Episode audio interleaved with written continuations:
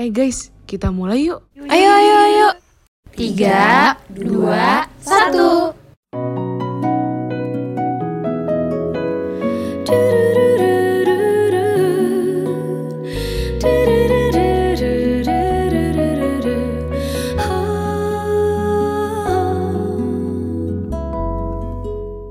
Halo kolaborator, Selamat datang di iPod. IKK Podcast. Cek cek.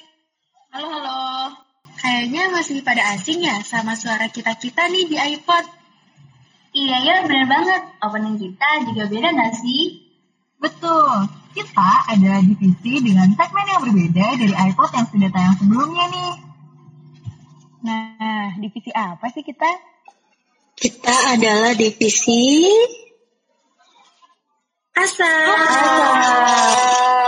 ASA itu merupakan singkatan dari Action, Strategic Issues, and Advocacy. Divisi baru di Himaiko loh. Yap, di segmen ASA ini kita bakalan ngobrol-ngobrol isu terkait keluarga, anak, juga konsumen. Betul banget. Tapi mungkin kita kenalan satu-satu dulu kali ya. Halo, aku Indri dari IKK 56. Halo, aku Nisrin dari IKK 55. Aku Dinda dari IKK 56. Aku Lala dari IKK 56.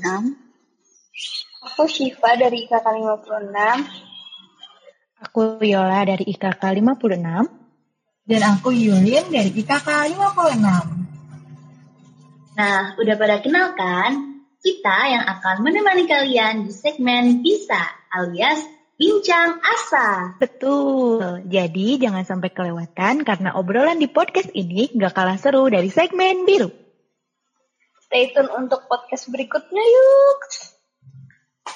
Yuk. Yuk.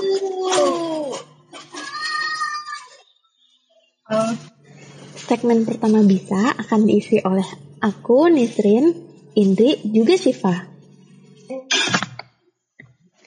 Nah, spesial di segmen kali ini kita bakal ngebicangin apa nih, Syif?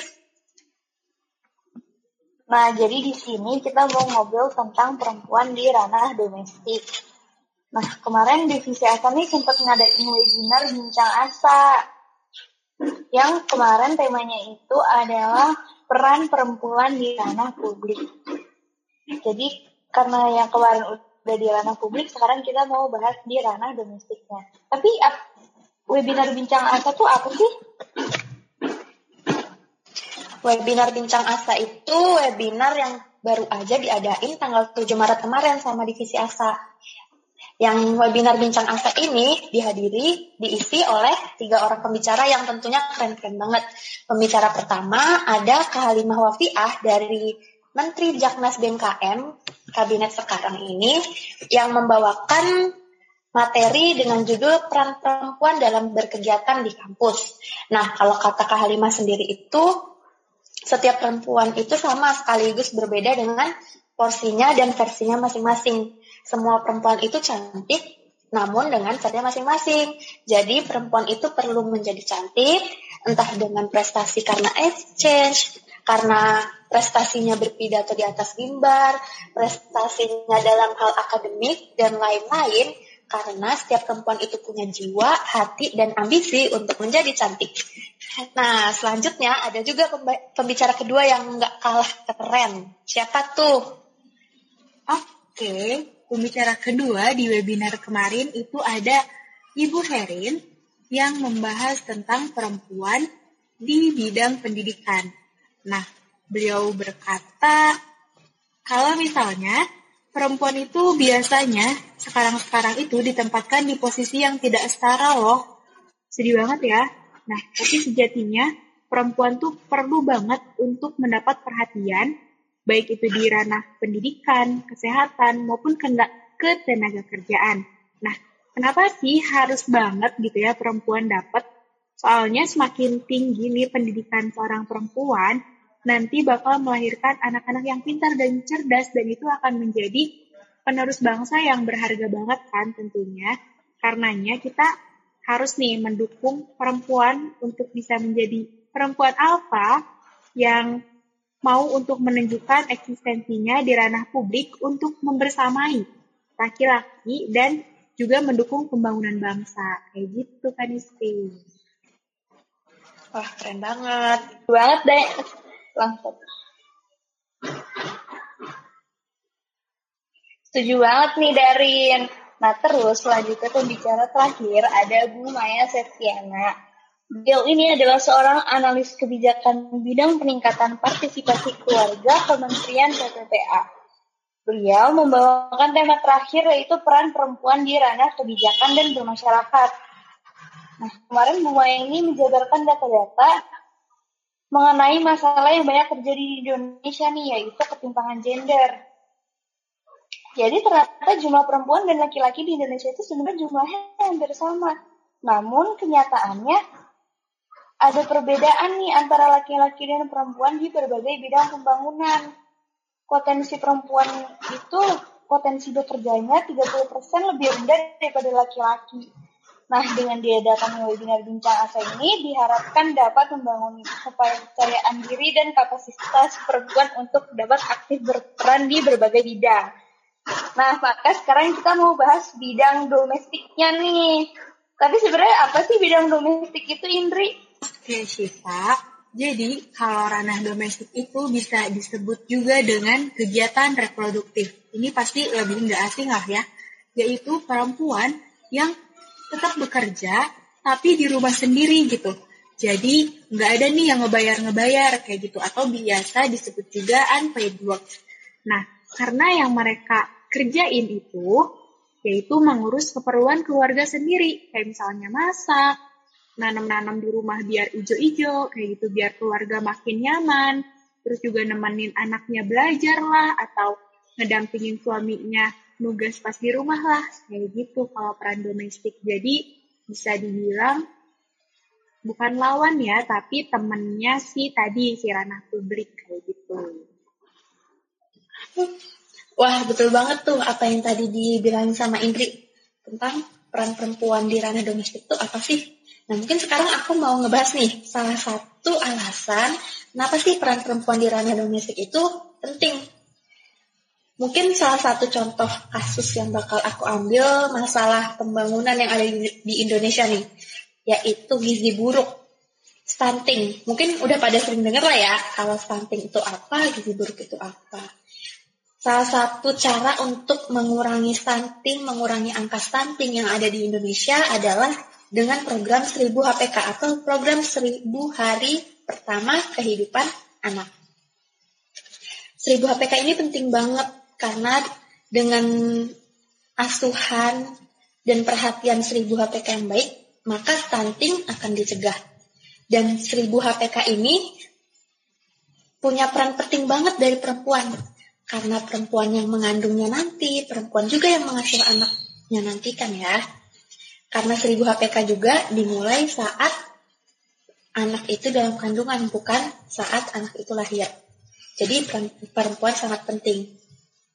Selain itu juga, pembangunan nasional yang ada sekarang ini itu menekankan pada pentingnya pembangunan keluarga, di mana ketahanan keluarga itu sangat penting tentunya. Nah, perempuan punya ranah kan ya di ranah domestik. Tentu penting banget ya untuk menjaga juga ketahanan keluarga. Wah, luar biasa ya. Kalau misalnya peran perempuan bisa dimaksimalkan nih di ranah domestik, ternyata permasalahan yang gede kayak gitu pun bakal bisa teratasi ya. Apalagi kalau kita cari tahu lagi nih tentang apa aja sih yang sebenarnya bisa dipecahkan nih dengan pemaksimalan peran perempuan tadi. Nah, kalau misalnya teman-teman IKP, pasti udah gak asing kan sama yang namanya teori hierarki kebutuhan Abraham Maslow, yang mana nempatin aktualisasi diri di tingkat paling atas atau di tingkat kelima. Nah, ngomong-ngomong, kayaknya banyak deh yang ngertiin kalau misalnya namanya aktualisasi diri itu pencapaiannya tuh harus diukur dengan pendapatan uang yang banyak atau bisa dibilang harus di ranah publik. Nah, padahal aktualisasi diri sendiri, kalau misalnya ngutip nih dari Halodoc, katanya merupakan puncak kedewasaan dan kematangan diri seseorang loh. Dan hal ini tuh ditandai dengan gimana sih seseorang itu bisa menyadari dan memanfaatkan berbagai potensi. Nah, ada potensi nih yang ada di dalam dirinya untuk mencapai suatu tujuan dalam hidup. Jadi nggak selalu tentang bekerja dan menghasilkan uang ya. Ketika perempuan sudah memilih untuk berada di ranah domestik, perempuan juga tetap bisa untuk mengaktualisasikan dirinya melalui kegiatan-kegiatan yang disukai dan itu bisa menambah uh, pematangan dirinya ataupun menambah kebermanfaatan dari dirinya sendiri. Nah, jadi untuk mengaktualisasi diri itu tuh nggak harus dengan menggunakan standar ataupun dengan menolak segala hal yang harus yang masyarakat-masyarakat bilang keren, terus kita nggak nggak bakal kayak gitu deh karena kita ada di ranah domestik, nggak kayak gitu. Tapi diubah aja pola pikirnya kalau misalnya yang di garis bawahi diaktualisasi diri adalah kematangan atau kedewasaan dari dirinya sendiri. Kayak gitu. Nah, kalau menurut Syifa, gimana nih tentang hal ini? Bener banget, Indri. Jadi sebenarnya perempuan di ranah domestik ini bukan aktivitas rendahan ataupun merendahkan martabat perempuan karena dianggap melakukan perbudakan terhadap kaum hawa.